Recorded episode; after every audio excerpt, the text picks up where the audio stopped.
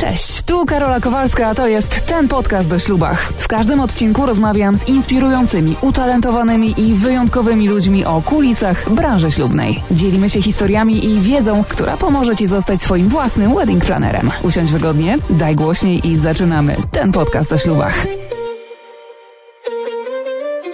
Najpierw jest ślub, a potem Wiadomo, i długo i szczęśliwie. No przynajmniej tak jest e, w filmach, tak jest na dużym ekranie, tak jest e, w serialach, a jak to bywa w życiu, Chyba wszyscy potrafimy odpowiedzieć na to pytanie. Bywa po prostu różnie, bo to jest życie, a nie film. I między innymi o tym, jak hollywoodzkie produkcje o miłości wpływają na nasze postrzeganie tego uczucia i na nasze wyobrażenie związków. Dzisiaj porozmawiam z gościnią, co prawda spoza branży ślubnej, mm, ale niech to was nie zniechęca, bo dr Olga Kamińska jest ekspertką od miłości, ekspertką od związków i dzisiaj e, trochę opowie nam o tym, co dzieje się w związkach po ślubie i jak zrobić, żeby działo się jak najlepiej. Doktor Olga Kamińska, mm, doktor psychologii, wykładowczyni Uniwersytetu SWPS, autorka podcastu Hashtag Love Miłość w XXI wieku i książki o bardzo podobnym tytule Hashtag Love Jak kochać w XXI wieku jest z nami w tym piątym odcinku tego podcastu o ślubach, z czego bardzo się Olga cieszę. Super, to ja dziękuję za zaproszenie i tutaj też chciałam powitać wszystkich, którzy słuchają teraz e, podcastu. No i zapraszamy Was oczywiście gorąco do odsłuchania e, podcastów Olgi. E, my poznałyśmy się podczas premiery, podczas promocji Twojej książki i przyznaję, że po prostu nie mogłam sobie odmówić e, zaproszenia Ciebie tutaj do tego podcastu o ślubach, ponieważ wiem, że masz wszelkie kompetencje i wszelkie narzędzia, by rzucić nam trochę takie nowe światło na instytucję e, małżeństwa i na to, że bardzo często małżeństwo postrzegane jest jako taka recepta na całe złoto. Znaczy weźmiemy ślub i wszystko będzie, będzie dobrze już tak na zawsze. Powiedz mi, czy Twoja książka, hashtag love, jak kochać w XXI wieku, może być dla nas trochę takim podręcznikiem, taką biblią wręcz budowania udanych relacji. No tak, y, to duże słowo, prawda? I myślę, że to lepiej, że inni to określili jako Biblię, mm. nie sama autorka. Ale faktycznie zamysł y, pisania tej książki był taki, żeby przedstawić jak najszerzej, może nie zawsze w pełni wyczerpująco, bo to bym musiała napisać parę tomów, ale różne obszary, które po prostu składają się na to, co nazywamy zjawiskiem miłości. E, zarówno jakieś takie kwestie kulturowe, czyli jak e, na przykład kultura zmieniała nasze podejście miłości, ekonomiczne, biologiczne, e, również to, jak formujemy związki i relacje z rodzicami. I to wszystko jest zawarte właściwie na tylko 300 stronach. E, więc, e, e, więc temat jest dosyć skondensowany, ale rozległy, tak bym powiedziała. Mhm. Na początku wspomniałam o tym, że będziemy rozmawiały o tym, jaki obraz miłości przedstawiany jest w hollywoodzkich produkcjach, czy chociażby w serialach Netflixa, niektórych oczywiście, które, które teraz tak chętnie oglądamy, spędzając czas przede wszystkim w domu. Mm, powiedz mi, jak takie filmy wpływają na nasze postrzeganie związków, albo jak zdążyły już wpłynąć w tych latach, kiedy, kiedy mieliśmy o wiele mniejszą świadomość tego, jak związki rzeczywiście wyglądają. No ja myślę, że e, na pewno tak jest, ale to, to co się dzieje teraz, jak już jesteśmy dorośli, e, już nie jest aż tak e, istotne. Bardziej kluczowe były te filmy, kiedy oglądaliśmy je mając, nie wiem, 15, 14, 10 lat, kiedy w zasadzie tworzyła się taka nasza koncepcja tego, czym jest miłość, czy w ogóle jakie e, zachowania, jakie mity wchodzą do tego e, określenia. Nie wiem, czy to jest coś, co wymaga poświęceń, czy coś, co się kończy happy endem, tak jak znamy to w bajkach myślenia.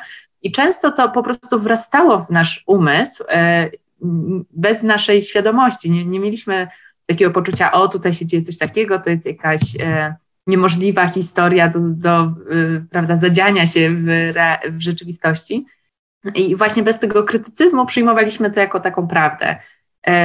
Jako już osoby pewnie dorosłe, nadal oglądamy te bajki, no ale sami stykamy się z różnymi relacjami i się okazuje, że one nie są takie proste, że się nie kończą happy endem, a w zasadzie wtedy, kiedy zazwyczaj w filmach jest happy end, no to zaczynają się często schody, no bo to jest ten moment, kiedy zaczyna, zaczynamy się poznawać głębiej i, musimy sobie radzić z tą e, relacją. No właśnie, ty bardzo dużo miejsca w książce poświęcasz e, temu mitowi miłości romantycznej, który trochę winduje nasze oczekiwania e, dotyczące związków i samej miłości, ale jednocześnie chciałabym Cię zapytać e, o to, trochę znam odpowiedź na to pytanie, e, ale chciałabym Cię zapytać o to, czy jest szansa, by już w tych późniejszych etapach związku, na przykład po ślubie, utrzymać nadal tę miłość, którą znamy z początków naszej relacji, kiedy ten ślub był taką wymarzoną, wyczekiwaną kulminacją tego wszystkiego, co działo się wtedy w naszym związku. Pewnie chcielibyśmy faktycznie, żeby tak było, ale okazuje się, że to nie jest w zasadzie prawie że możliwe i większość związków nie będzie w stanie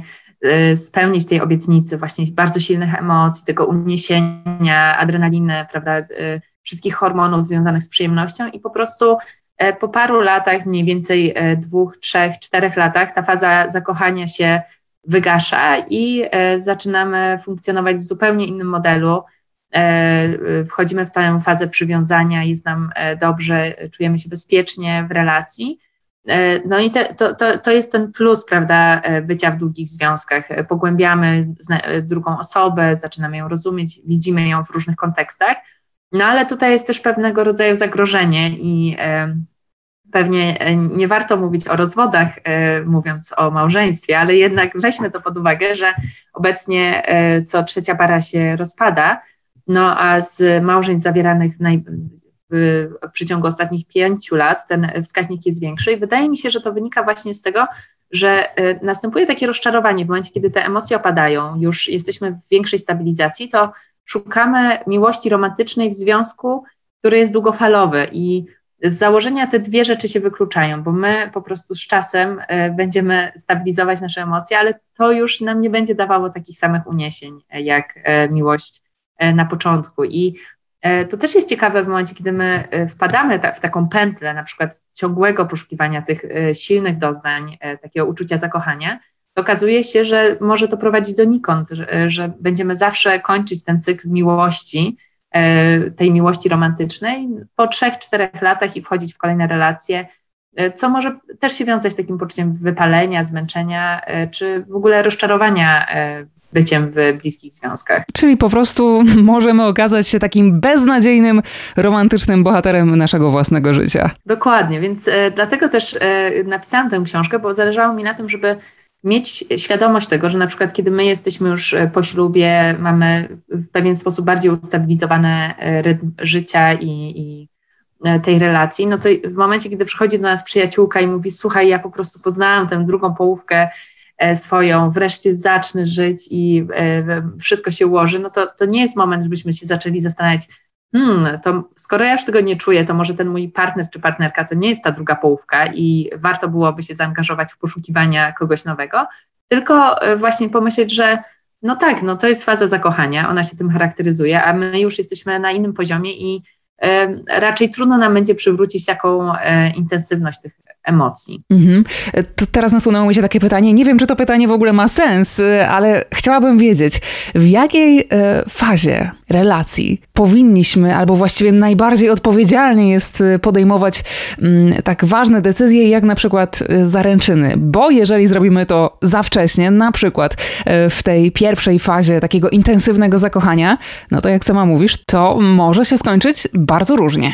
Mhm, dokładnie, bo to, o czym mówisz, to jest ten efekt różowych okularów. My to określamy tak e, w kulturze naszej, czyli efekt tego, że my widzimy osobę w sposób wyidealizowany, że nie widzimy do końca jej wad, ale też e, nawet w drugą stronę my eskalujemy pozytywne cechy tej osoby, czyli wyolbrzymiamy je, tak że e, one nas jeszcze bardziej podniecają, jeszcze bardziej nam się podobają i, i na nas działają.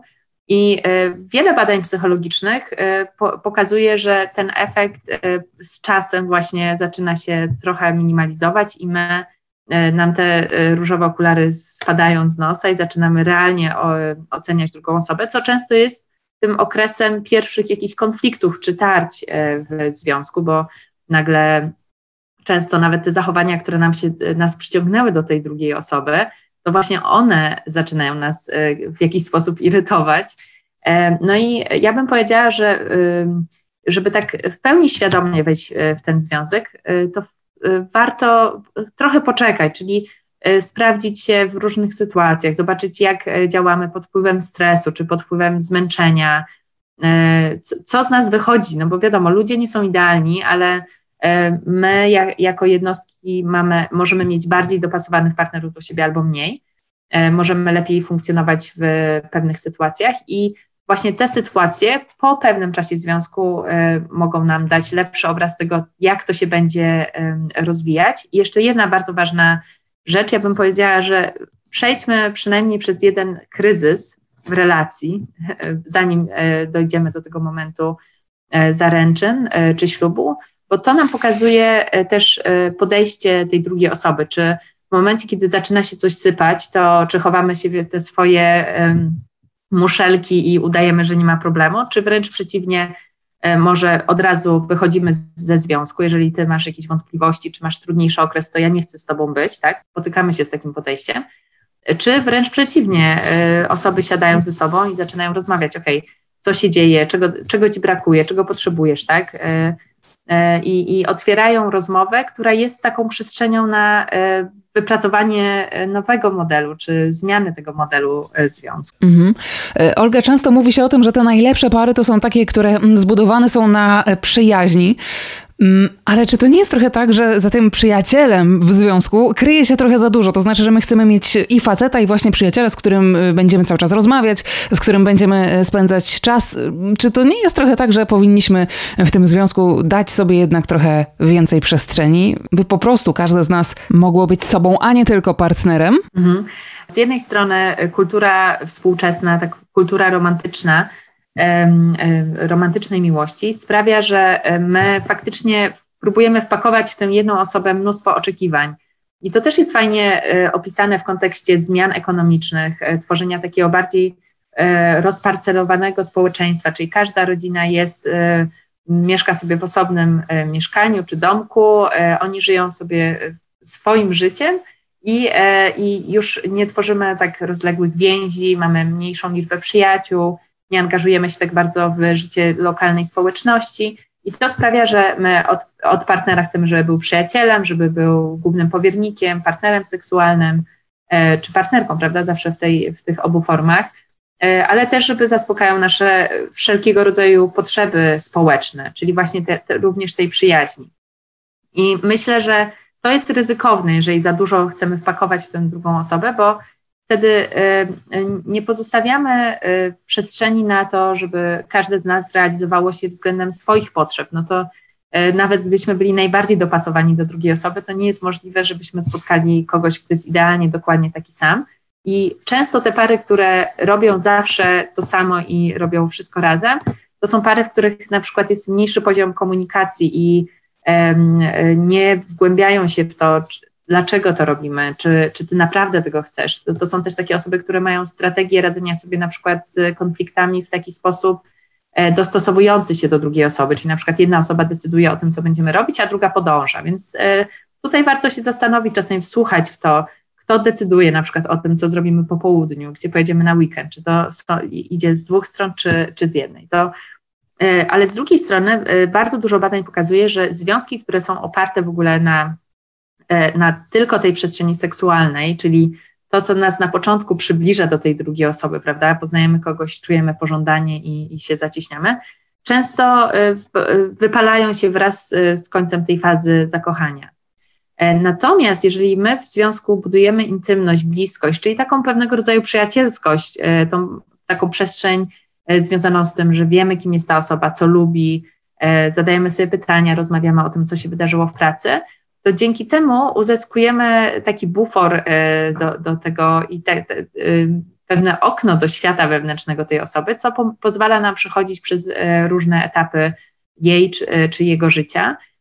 I myślę, że w tym kontekście na przykład my mamy często tendencję do tego, żeby o swoich problemach związkowych rozmawiać z innymi osobami, ale co, co też jest pewną formą wsparcia i to jest bardzo cenne, ale nie zapominajmy, że tą osobą, która powinna wiedzieć o tym, co nas gryzie w tym związku, jest nasz partner czy partnerka, bo to oni są e, realnie osobami, które mogą e, to e, zmienić, czy mogą się jakoś z nami skonfrontować. I to oni znają tę relację od środka, tak jak my ją znamy od środka. A przyjaciółka czy przyjaciel, mama, prawda, to są osoby, które patrzą przez jakąś kalkę swoich oczekiwań.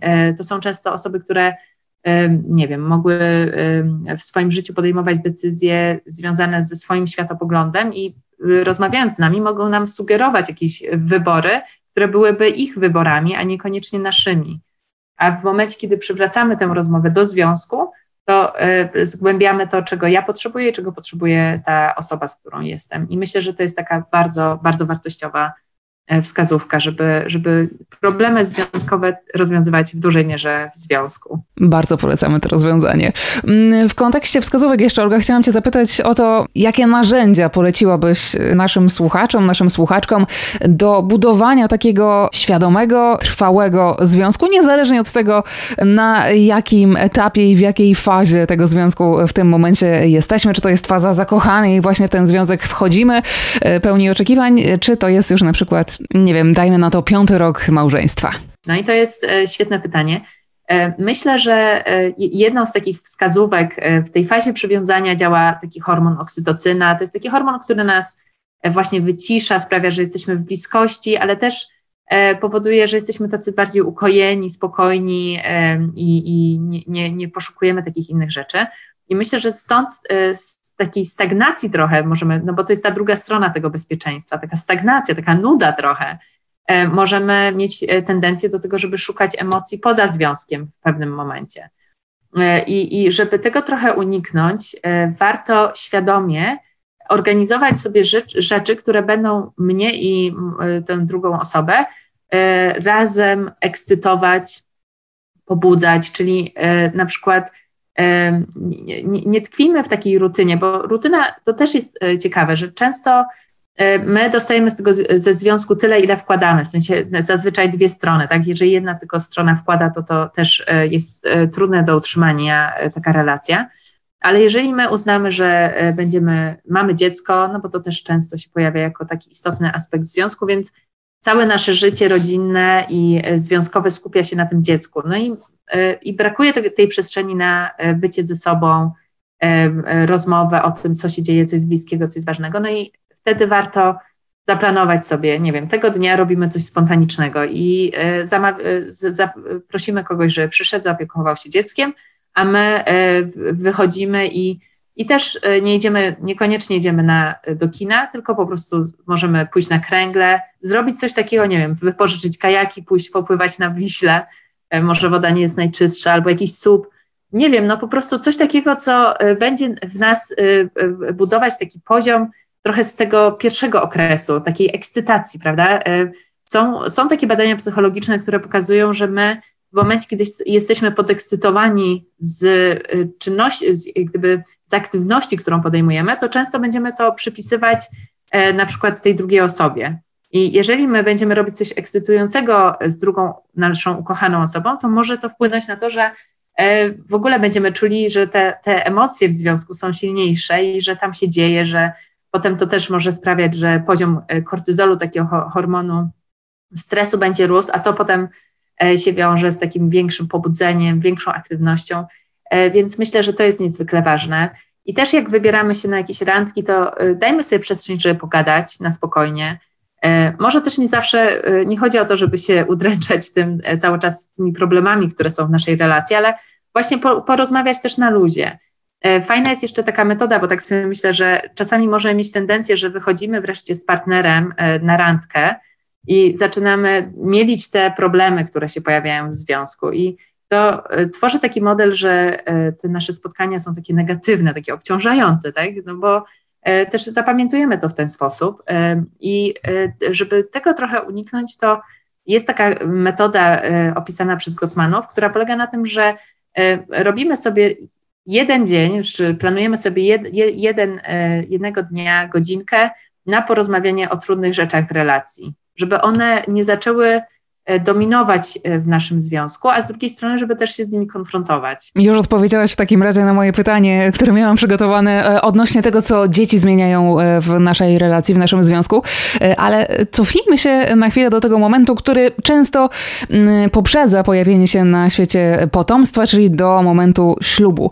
Mm, bo żyjemy w czasach, i to jest już potwierdzone statystykami, żyjemy w czasach, kiedy ślubów jest coraz mniej, natomiast mnożą nam się rozwody i coraz częściej żyjemy w takich niesformalizowanych związkach. Powiedz mi, co ten ślub tak naprawdę w naszym życiu z perspektywy psychologa i psychologii zmienia? Na pewno jest, jest takim potwierdzeniem e, właśnie tej decyzji, że, że chcemy być ze sobą, że planujemy e, budować przyszłość ze sobą i myślę, że to jest też e, bardzo duży kapitał dla pary, który mogą potem wykorzystać, właśnie związany z takim większym poczuciem bezpieczeństwa w tej relacji, większym poczuciem zaangażowania drugiej strony w relacje.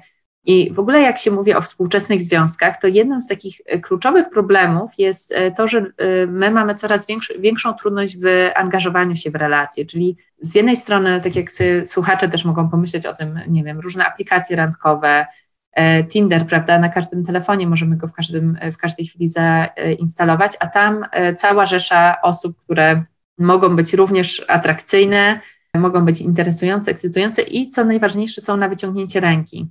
E, więc e, wielu, często nam trudno jest po prostu powiedzieć, że ja już z tą osobą zostaję i zostaję na tej osobie.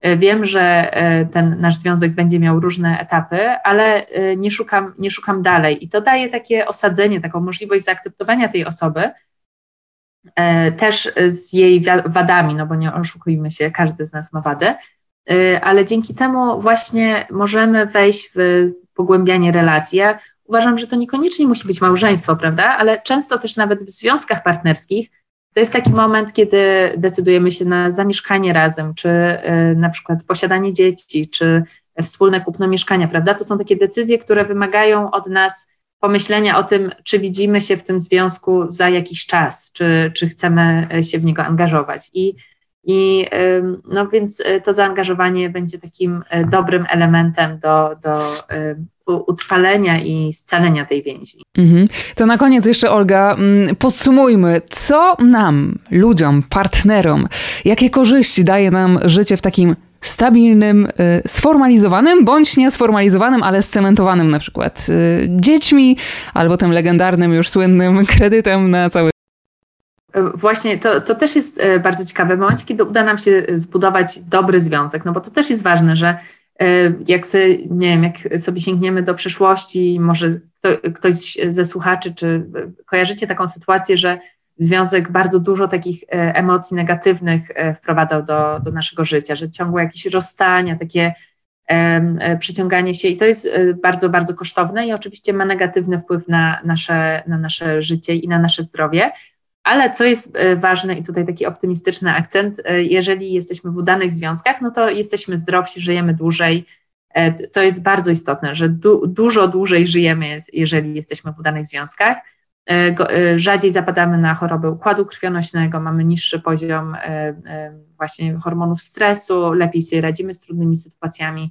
Więc to jest naprawdę coś, co w takiej perspektywie długofalowej jest niezwykle e, cenne i, i może nam e, dostarczać e, bardzo dużego potencjału, potencjału w życiu. Pamiętajmy o tym, że często może, może być tak, że napotkamy pewne trudności, które będą trudne do przeskoczenia przez nas w, tym, w, te, w tej relacji, bo będąc w relacji, my też nie widzimy tego do końca obiektywnie i czasami nawet kilka wizyt u terapeuty czy jakiegoś doradcy związków, takiego, nie wiem, coacha związków, może nam e, pomóc e, przezwyciężyć e, pewne tematy. Też są takie badania, które pokazują, że w związku zazwyczaj kłócimy się o te same rzeczy przez całość trwania związku i, i czasami w ogóle zauważenie tego i uznanie tego, okej, okay, dobra, znowu o to samo się kłócimy, może, może pomóc właśnie przywrócić jakiś taki większy balans i przywrócić coś, co, co będzie sprawiało, że my będziemy doświadczać pozytywnych emocji. No i poruszyłaś jeszcze jeden temat, a ja chciałam kończyć, bo cię chciałam wywiązać z tej obietnicy, którą ci dałam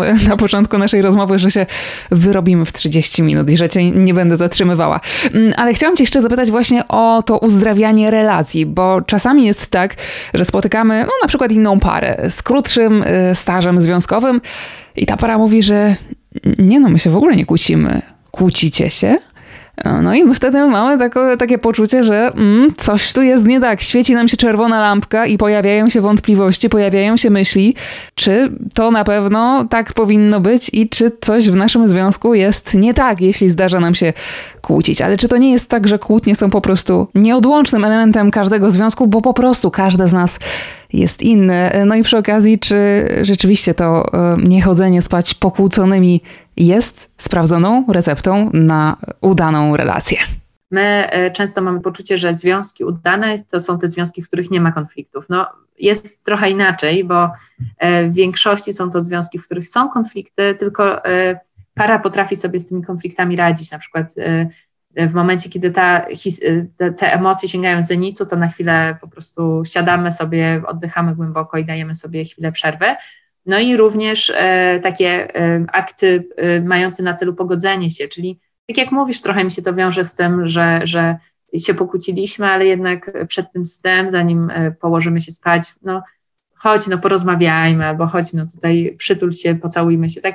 To są może takie małe, że właśnie to jest dla mnie jedna z, najbardziej, jedno z najbardziej fascynujących odkryć w kontekście związków, że związki nie są budowane na wielkich aktach miłości. To nie jest tak, że wyprawy na Karaiby czy jakieś drogie prezenty tutaj będą w stanie zbudować udany związek, tylko to są zazwyczaj takie mikromomenty, które polegają na tym, że jak ktoś do nas mówi, to podnosimy głowę z nad komputera i mówimy, aha, no to super ciekawe, albo możemy do tego wrócić później, bo teraz robię coś ważnego. E, czyli takie e, odpowiadanie na, na to, tą obecność drugiej osoby. E, więc tutaj w, w tym kontekście ten, to położenie się razem, spać też sprawia, że my po prostu czujemy się lepiej, możemy odpocząć, tak? I to potem przekłada się na nasze funkcjonowanie następnego dnia i jakąś pewną gotowość wejścia w rozmowę o, o, o to, co, co się wydarzyło. Na przykład nie musimy od razu rozwiązywać tego konfliktu, tylko możemy sobie powiedzieć, słuchaj, ja Ciebie kocham, ja chcę nad, pracować nad tą relacją, ale dzisiaj y, nie jestem gotowa na tą rozmowę, ale chodź tutaj, przytul się, albo y, chodź spróbujmy po prostu, nie wiem, weźmy się za ręce, no bo też chodzi o to, żeby uszanować swoje granice. Jeżeli nie mamy ochoty na przytulanie się, to się nie przytulajmy, to też jest ważne. Czyli rozmowa, wyrozumiałość. A jeśli chodzi o sam ślub, co po tym ślubie radziłabyś wszystkim, którzy dopiero są przed tym dniem? To nie jest tak, że my weźmiemy ślub i to już nam będzie dane, jest przypieczętowane w urzędzie i tak dalej, tylko że to jest coś, co dopiero e, otwiera te drzwi e, do, do wspólnej e, realizacji, do właśnie odkrywania tej miłości. I tutaj kojarzy mi się takie, taka przypowieść indyjska na, właśnie na ślubie E, e, para rozmawia ze sobą i e, pan młody mówi, no tam jakoś wywiązuje się rozmowa, że, że, że się jeszcze nie kochają, że tej miłości nie ma między nimi, a oni mówią, że no mamy całe życie, żeby się jeszcze pokochać.